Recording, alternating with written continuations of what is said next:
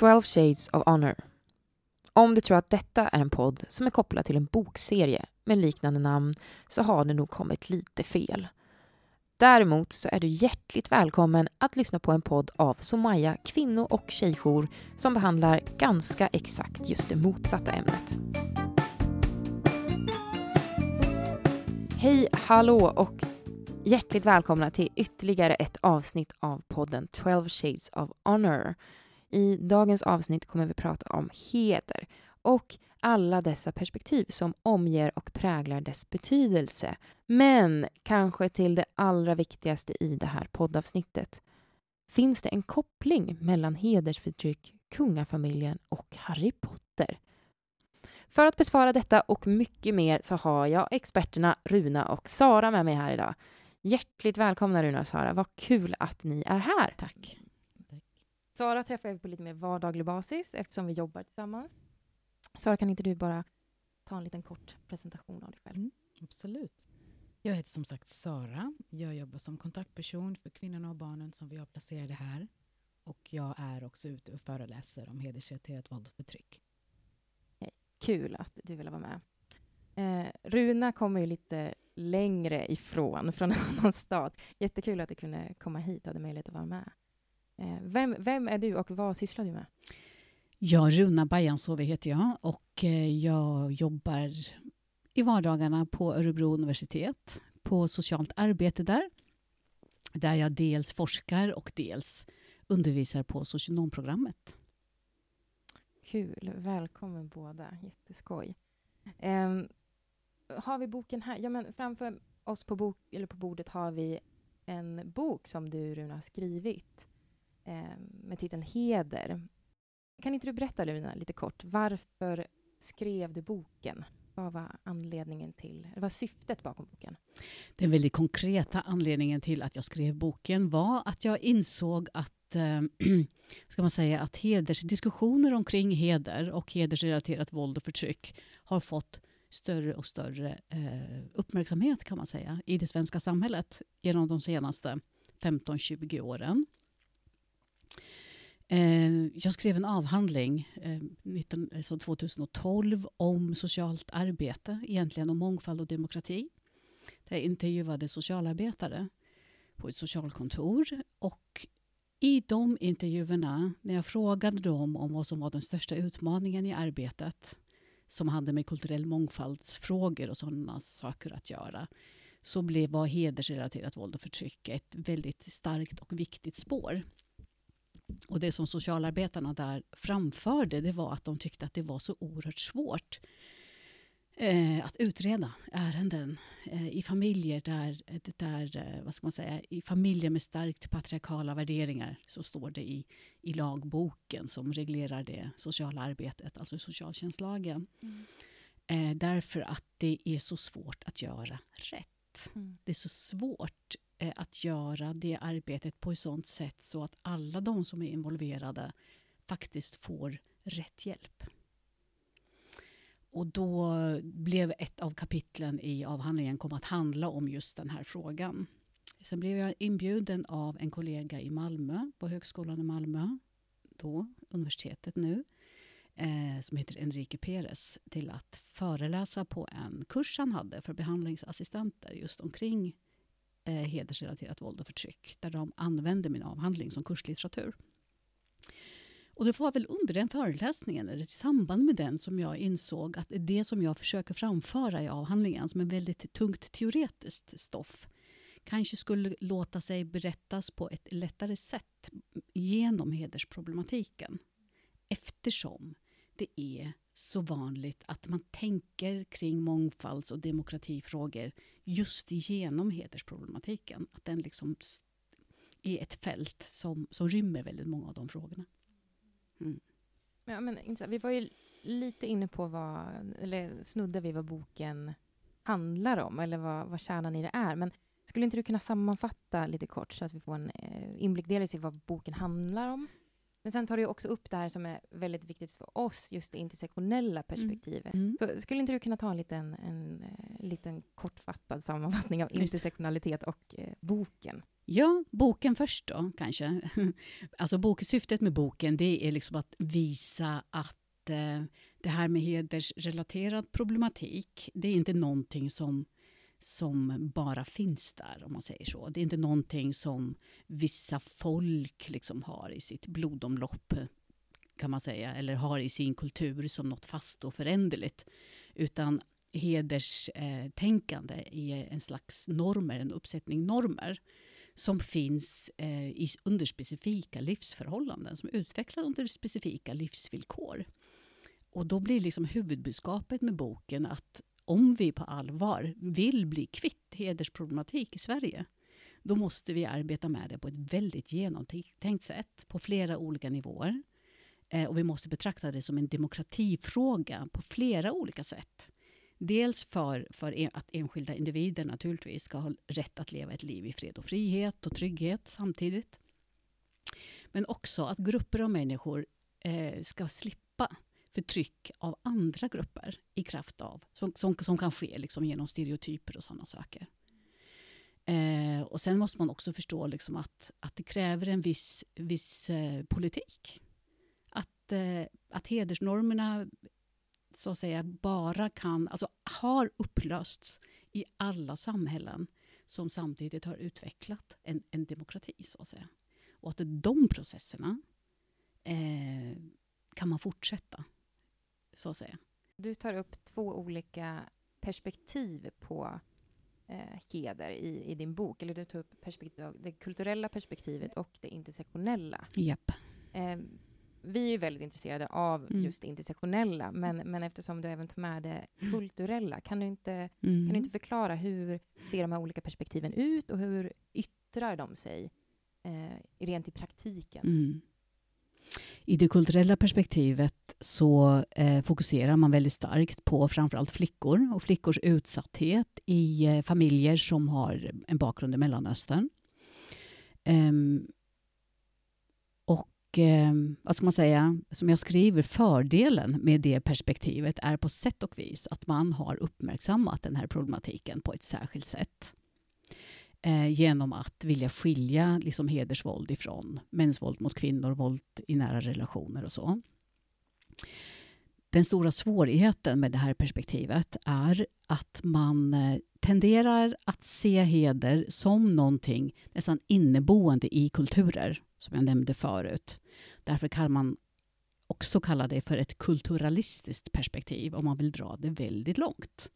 Det vill säga ett perspektiv som eh, de facto blir en slags rasism också. Eh, utan dock att liksom prata om hudfärg och sådana saker som, som en grund för människors olikhet. Man pratar snarare om kulturer som oförenliga eh, och så. Vilket har, liksom, har ganska stora konsekvenser eh, på flera olika sätt. Eh, och en av dem blir ju just att man, man kommer att diskriminera grupper och ibland felaktigt tolka det våld som sker eh, gentemot individer som hedersvåld, när det kanske faktiskt inte är det. Utan det är vilket våld som helst, om man säger så. Det finns en klassisk berättelse på något sätt som man ofta letar efter, har vi sett i, i i undersökningar. Eh, med, med en... Liksom, där inte heller alla som de facto är utsatta för hedersrelaterat våld och förtryck alltid hamnar, hamnar under den benämningen, fast de borde göra det. Och det är väl där mm. som vi kommer in på det, vikten av det, ett intersektionellt perspektiv. Att man förstår att det kan vara eh, en väldig massa olika variationer. Liksom. Eh, och att olika personer i olika åldrar, kön, sexuell läggning, funktionalitet, eh, religion och så vidare faktiskt kan vara drabbade av hedersrelaterat våld och förtryck. Mm. Det finns ju till exempel en, allmänt, eh, en vanlig föreställning om att hedersvåld är nära förknippat med islam. Och jag vet inte hur ofta det har sagts i olika sammanhang, mm. att det inte finns ett enkelt samband. Men det verkar som att det tar inte på några ganska dominanta röster eh, på det här fältet, utan man fortsätter liksom att förknippa heder med islam. Jag hörde en kvinna säga så här att Eh, varför undersöker ni det här med hedersvåld? Det är ju helt onödigt. Gå ut på stan och räkna slöjor så vet ni ju hur vanligt förekommande det är. Mm. Och det är ju uttryck för just den här vanföreställningen. För eh, ja, men det ser vi ju att det förekommer i alla, alla olika religiösa grupper som lever under en specifik samhällsform. Och just det här med liksom att få fram hur den eh, samhällsformen, som inte bara existerar i vissa länder som man kommer ifrån, utan faktiskt också existerar i Sverige på olika sätt. I, eh, ja, i olika grupper, så att säga, i olika samhällen i samhället. Mm. Det eh, är ju en kunskap och en insikt som vi måste ta in mycket, mycket mer eh, än vad vi har gjort idag. Sen behöver vi också se det här liksom med, eh, ja, med att det finns män som kan vara utsatta för våld. Det är det. Mm. Det finns äldre kvinnor som kan vara utsatta för hedersvåld, som inte får någon hjälp överhuvudtaget och som inte ens anses vara i behov av hjälp. De kanske i och för sig inte alltid söker just den typen av hjälp. Som kanske söker andra former för stöd. Eh, som kan vara utsatta för, för ett våld och förtryck som påverkar dem så pass mycket att de ofta liksom klassas som Eh, att de har en låg funktionalitet och så vidare. Så det finns väldigt, väldigt många olika frågor som kan omfattas av hedersvåldsfrågan. Eh, många fler än vad som görs idag. Och det finns också många frågor, alltså många situationer som inte borde omfattas av hederskategoriseringen. Fast det görs ganska mycket idag.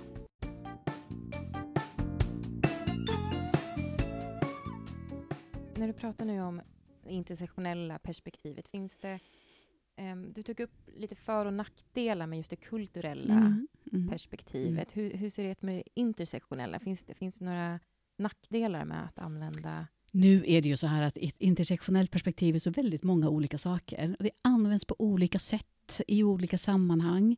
Det finns en forskare, eh, Davis tror jag hon heter, som kallar det för ett buzzword, alltså ett trendord som har kommit att liksom beskriva väldigt många olika typer av förhållningssätt. Sådär. Så att, och när, när någonting används på väldigt många olika sätt finns ju alltid en risk för att det blir väldigt tomt. Till slut så liksom vet man inte ens vad det är för någonting. Och det nästan upphör att existera, om man säger så. Eh, ja, alltså nackdelarna med, med, med, vissa former för intersektionalitet, det är liksom om man börjar eh, se det också som någonting väldigt statiskt. På samma sätt som det med det här kulturella perspektivet. Att man näst, det nästan blir essentialistiskt. Så man tänker att ja, om någon har en viss etnicitet, eller en viss religion och ett visst kön, då är den personen alltid underordnad. En sån sak. Det tycker inte jag riktigt stämmer överens med, med någon slags verklighet som jag iakttar, om vi säger så. Eh, och jag tycker att när man, när man ser det så, då missar man just potentialen med det intersektionella perspektivet. Eh, som handlar om att förstå att våra, alltså, vad ska man säga, den, den position som vi som, som enskilda individer står i, är olika i olika situationer, i olika kontexter. Och att vi faktiskt kan vara ytterst starka och dominanta i vissa kontexter och verkligen kunna ta för oss. Liksom och sådär. Eh, medan vi är väldigt utlämnade i andra kontexter och så allting däremellan. Och det är vad intersektionaliteten också är för mig. Möjligheten att kunna se komplexiteten i relationer. Eh, där allt det här med, med etnicitet, hudfärg, religion, ålder, kön och så vidare inte är statiskt, utan skiftar betydelse beroende på kontexten. Mm. Ta mig som socialarbetare till exempel. Eh, där kan ju jag känna och ha liksom en viss, såklart, i kraft av att man är socialarbetare så är man ju, företräder man en väldigt stark samhällsinstitution. Och det betyder ju att när man träffar klienten så har man liksom ett övertag på sätt och vis i den relationen. Men så fort man börjar arbeta liksom med, alltså i, i möte med individer, men så fort man börjar arbeta med nätverk eller större grupper eller familjer är det inte alls säkert att man behåller sitt övertag i alla situationer. Framförallt inte om man rör sig utifrån kontoret och hamnar i en moské eller i ett familjesammanhang eller någon annanstans. Där, man plötsligt, där plötsligt ens ålder eller en kön blir viktigare än en tjänstestatus. Ja för att ta ett enkelt exempel, så, så påverkas ju liksom, vad ska man säga, relationerna, kommunikationen på gott och ont på olika sätt av eh, vilka vi är, var vi befinner oss och, och, vilka som är närvarande och så vidare. På väldigt oförutsägbara sätt. Och det är just den oförutsägbarheten jag tänker att eh, är intersektionalitetstänkandets eh, stora bidrag. Eh, att, att, eh, att vi genom det kan träna oss i liksom att ta in hur allt det här förändras i olika situationer och, och använda det på ett fruktbart sätt.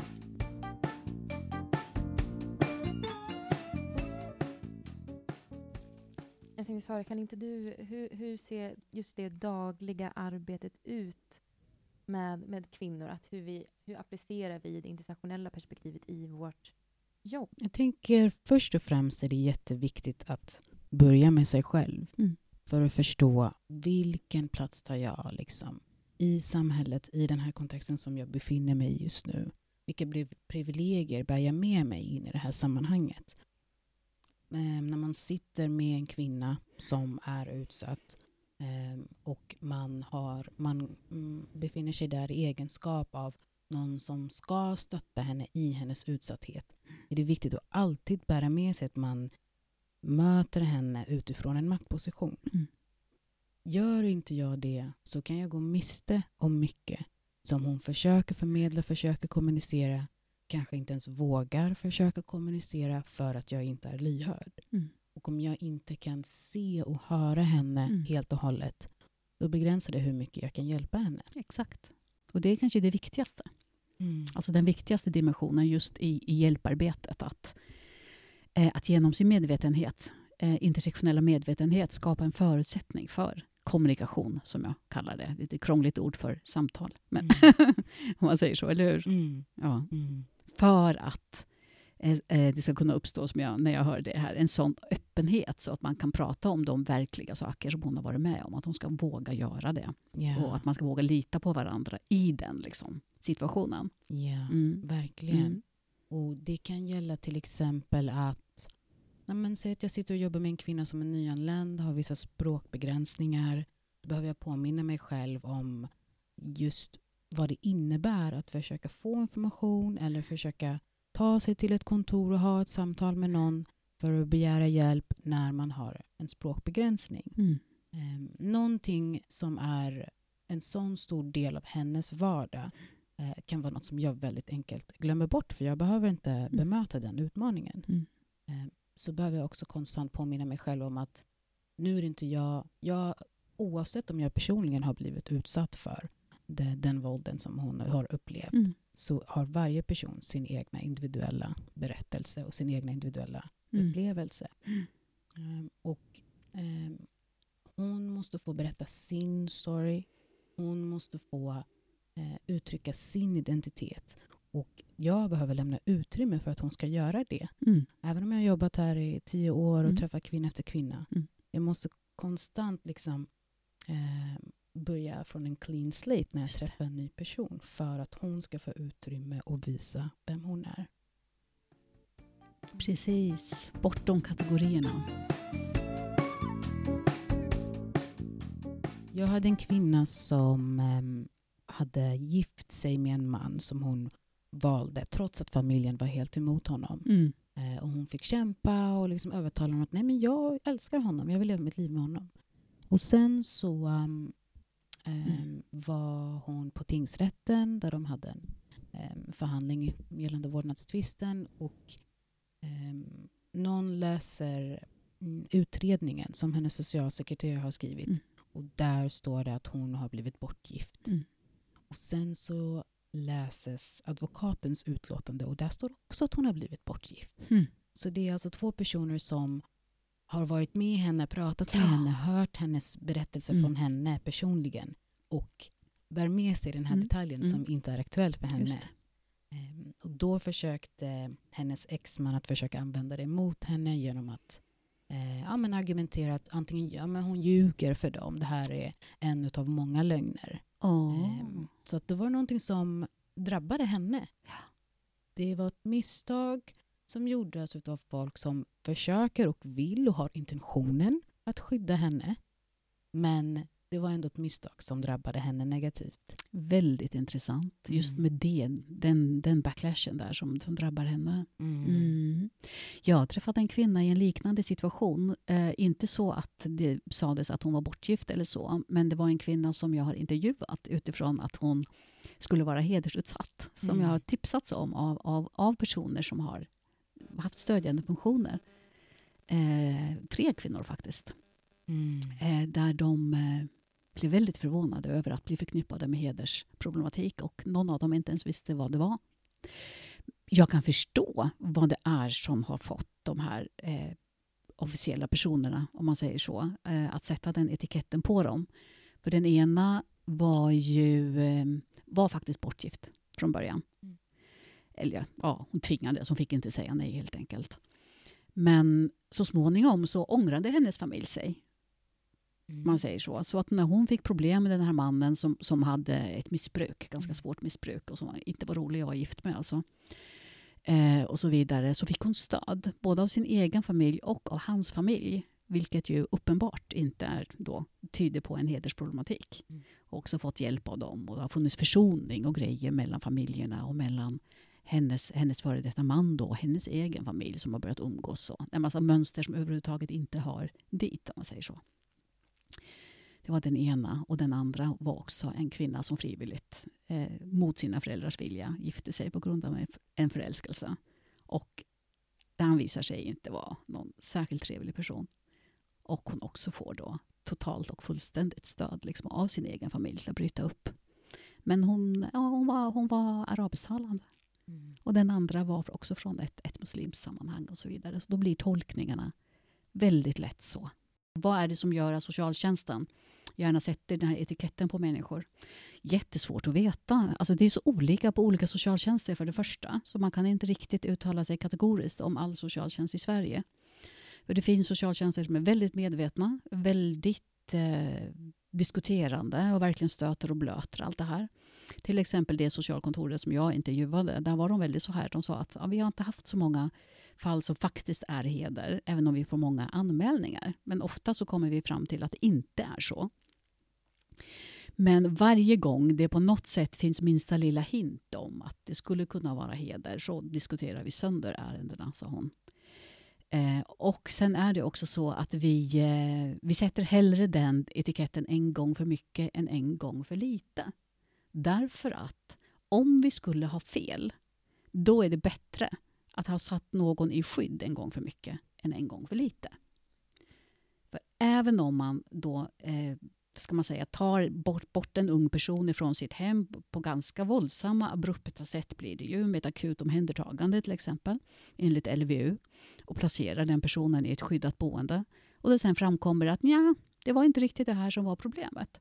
Så har man förvisso skapat en oerhörd kris i den familjen. Det har man gjort. Men kanske kan man reparera den. Man kan åtminstone försöka och förklara att vi gjorde fel. Eh, be om ursäkt och göra vad man kan för att återställa saker och ting. Men skulle man ha fel, då, är det ju, då kan man inte reparera det.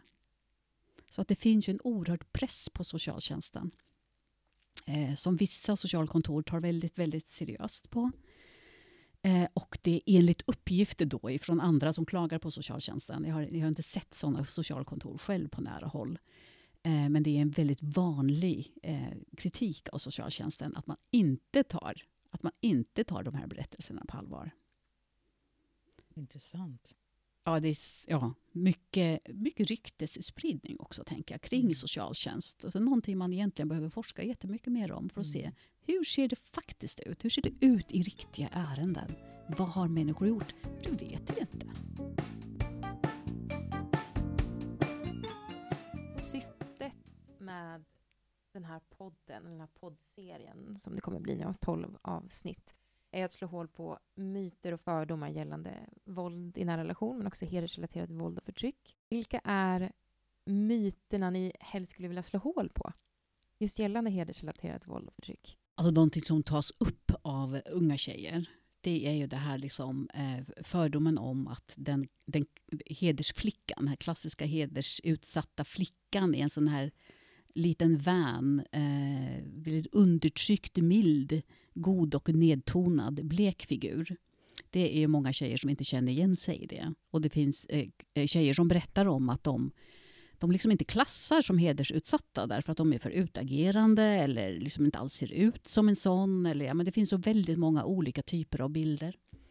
Det kan vara en myt. Det finns många. Mm. Jo, men jag tänkte på samma faktiskt. Just den här bilden som det finns på offret och bilden som det finns på förövaren. Mm. Och just att man kan missa att um, inom hederskontexten så kan man vara offer och förövare samtidigt. Mm. Om man till exempel tittar på, oftast är det yngre pojkar som kanske är kusiner eller eh, äldre eller till och med yngre bröder till eh, en ung kvinna, en ung tjej i familjen som de pressas och förtrycks till att kontrollera och bevaka. Ehm, de i den situationen har, besitter en maktposition gentemot den här unga flickan då. Men de har inte många valmöjligheter. För går de inte med på orden som kommer uppifrån så kommer de själva utsättas för andra former av förtryck och våld. Så jag håller helt med dig Runa, just mm. att nyansera mm. bilden mm. på på alla som är involverade i hederskontexten mm. skulle mm. möjliggöra för att man eh, inte osynliggör alla som, som behöver hjälp. Just det. Jag träffade en ung kvinna på ett café här eh, som berättade och tyvärr så berättade hon inte hela exemplet, men hon kände en tjej, sa hon. Hon var i kontakt med socialtjänsten. Hon var utsatt för våld. Men eftersom socialtjänsten hade en väldigt stereotyp bild av det här med heder så gick det liksom inte att förmedla vad som var det verkliga hotet i hennes livssituation. Lite det som du var inne på förut. Mm. Tyvärr så ville hon inte berätta detaljerna av någon anledning. Eh, men det får mig ändå att tänka på eh, detta med att eh, alltså, det kan ju vara mammor som är våldsamma. Det är väldigt ofta pappor i en annan myt.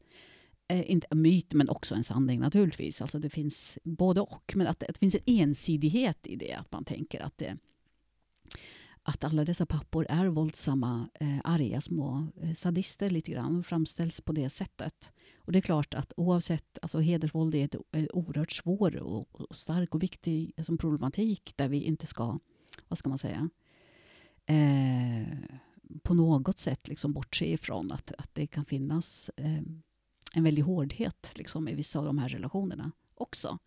Men att eh, inte alltid tro att det ser ut på ett bestämt sätt utan försöka vara öppen för på vilket sätt just det här våldet eller de här normerna, om de nu gör sig gällande i ett specifikt sammanhang, hur de gör det och på vilket sätt liksom, eh, de kommer till uttryck, vem det är som driver det.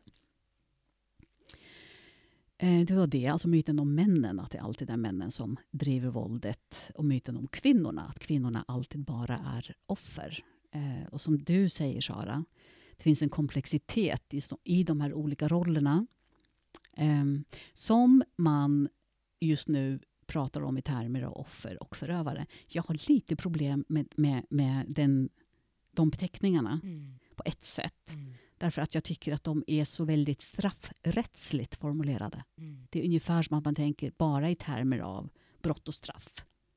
För ett offer ska ha skydd, en förövare ska ha straff, eller hur?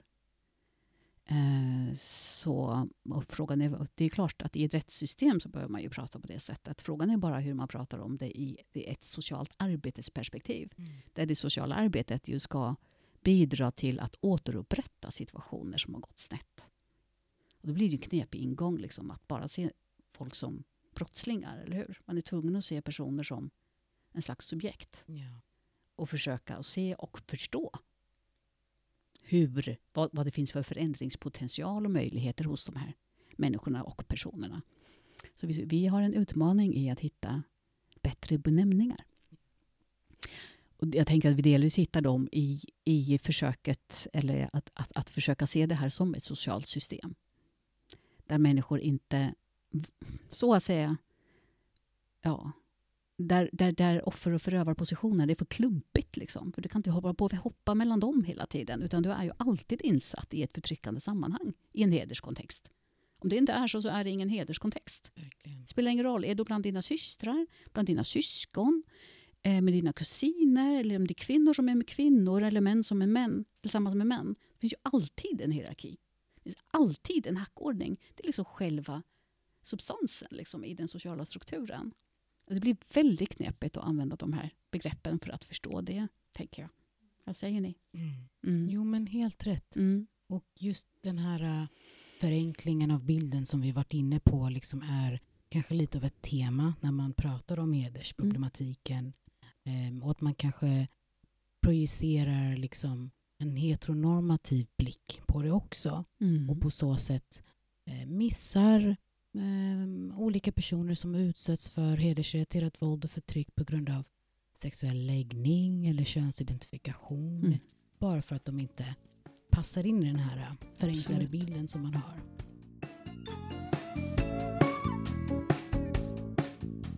Jag är ju väldigt nyfiken på att Runa, du pratar om att det har skapats en typ av inflation i hur begreppet heder används. Kan inte, kan inte du förklara det lite? Eh, jag känner att jag säkert i mångt och mycket faller in där. Att jag, Ja, nej, men på sätt och vis har vi ju Mm. varit inne på det redan. När vi Mm. pratar om att man eh, slentrianmässigt eh, etiketterar eh, våldet beroende på människor, hur människor ser ut och vilken bakgrund de har, vilken språkbakgrund de har. Så tänker man att då är, då är det väldigt ofta heder. Mm, mm, Eh, det var en socialsekreterare som en äldre, väldigt erfaren person som har jobbat jättelänge med de här frågorna. Hon sa när jag intervjuade henne 2009, liksom, då gav hon bra liksom, förklaringar på vad hon tyckte att var skillnaden mellan hedersvåld och annat våld. När jag träffade henne igen, igen sex år senare, då sa hon så här. Alltså det är så här, jag blir mer och mer förvirrad, sa hon. Förut tyckte jag att jag visste vad hedersvåld var. Idag har jag ingen aning. Och jag har ju också lyssnat på, på gamla kollegor, och kompisar och så vidare som arbetar med de här frågorna som berättar att du vet att idag har jag varit involverad i ett hedersärende. Så berättar de och då måste jag alltid ställa frågan men var kommer hedern in där? Annat än att det här, de här människorna har en bakgrund i Mellanöstern. Alltså det är inte alltid klart för mig och inte alltid heller klart för, för alla som använder det här begreppet och utreder. Eh, så. Just att anledningen till att jag tog upp det är att jag vill, jag vill knyta ihop det här med mitt, Mm. mitt lilla intro till avsnittet när jag frågade vad bland annat kungafamiljen och Harry Potter kan, vad det kan finnas för koppling där till heders, hedersförtryck. Mm. Um, vad det grundar sig i att jag hade en, en eh, väldigt fin lördagkväll hemma med några vänner och vi tittade på Harry Potter. Och helt plötsligt så reagerar jag då på att Ron Weasley, alltså Harry Potters bästa vän, reagerar väldigt starkt på att hans lilla syster står väldigt nära och samtalar med någon kille och han tycker inte alls att det här är ett lämpligt beteende för sin lilla syster att ha. Ehm, och ja, men just för att det är hans lilla syster.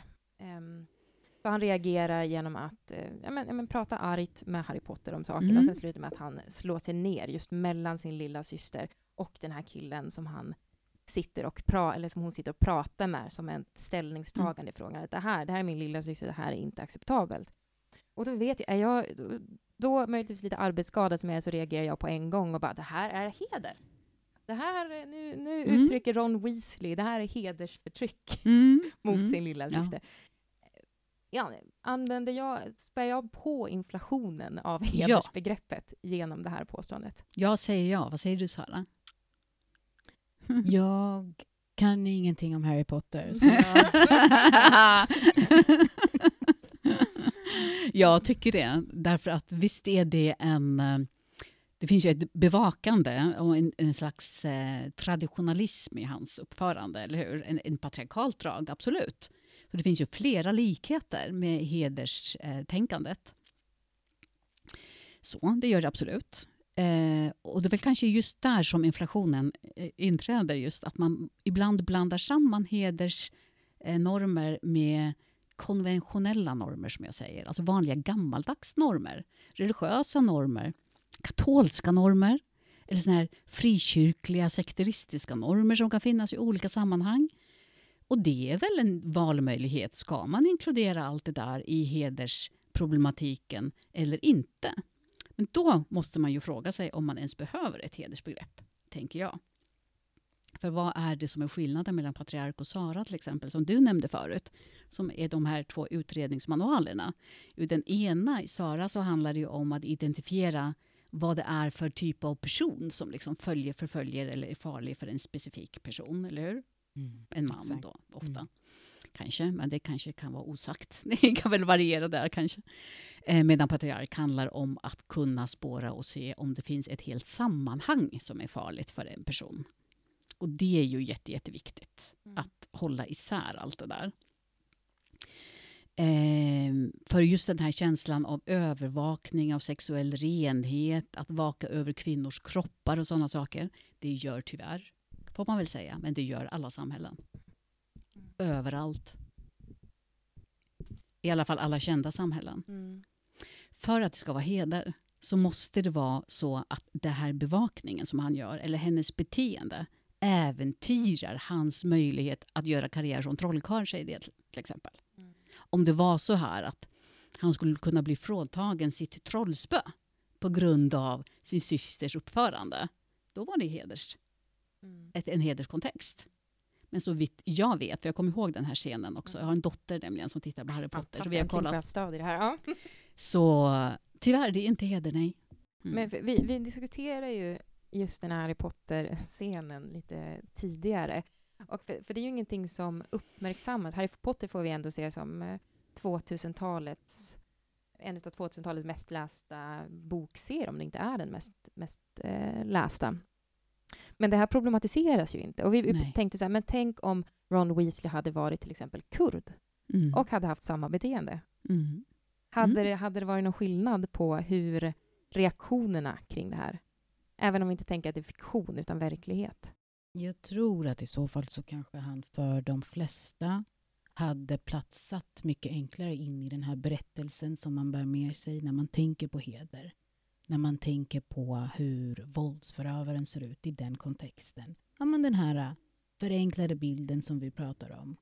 Um, och ja, det är där faran ligger. Och då kanske vi hade tolv, då tänker jag på hans familj nu. För att grejen med den här filmen är att vi känner ju hans familj. Faktiskt. Både hans mamma och pappa och syskon och sådär. Och de är ju otroligt inkluderande och eh, vidsynta människor. är de. Väldigt generösa. De är inte ens riktiga trollkarlar, vad är det det heter? De är så här bland, blandade, är de inte det? Muggles. Ja, precis. ja, som är liksom, de är så här lite medelklass inom, inom trollkarlsvärlden. Lite mer klass, men de är ju inte mugglare alltså, utan de är riktiga trollkarlar. De är det? Okej. Du, Jag känner mig så Ja. utanför nu. nu, nu, glömde, nu glömde jag. gå över till Harry Potter-diskussion nu. Så Ja. Jag känner mig väldigt varm i kläderna och redo på den Nej, men bara, bara en poäng där ändå. Så b- beroende på att vi känner till dem så har vi också en närhet till dem. Och det gör ju att vi blir mindre benägna att sätta den etiketten på Mm. Weasley. Mm. Men om vi inte hade känt dem och han hade sett ut på ett annat sätt, då hade ju vår fantasi fått fritt lopp. Mm. Mm. Men du menar egentligen vad som är avgörande är egentligen att hade han, hade Ron Weasley till exempel mist sin trollstav avhängt att hans syster, eller att hans syster, på grund av att hans syster Mm. hade ett, Mm. enligt normen, felaktigt Mm. beteende, Mm. då hade det här varit Mm. ett fall av heder. Därför att det handlar om eh, status inför andra och möjligheten att upprätta, upprätthålla livhanken helt enkelt. Det är, det är det som hedersnormerna spinner omkring. Eh, vilket vi ofta glömmer och inte är särskilt intresserade av här i landet. Men, eh, alltså hur heder som ekonomiskt system gör att hedersnormer kan upprätthållas. Eh, men där finns inte några sådana. Han, han behöver inte det. Han, kan, han klarar sin status inför andra män, om vi säger så. Även om hans syster pussar fel kille. Det är så skönt att vi har rätt ut det här nu, så kan jag förhoppningsvis släppa det till kommande avsnitt. Så behöver ju inte Harry Potter vara det återkommande ämnet under tolv avsnitt. Däremot så vill jag gärna diskutera mitt nästa påstående som jag hade i introt här, att kungafamiljen, att man kan se en kopp, att det finns ett hedersförtryck inom kungafamiljen eller strukturen. Vad har ni att säga om det? Är jag rätt eller fel ute där? Jo, men jag tänker definitivt att det är någonting man skulle kunna diskutera och nyansera. Om man tittar till exempel på kronprinsessan Victoria när hon, skulle, när hon först blev förälskad i sin prins. Då.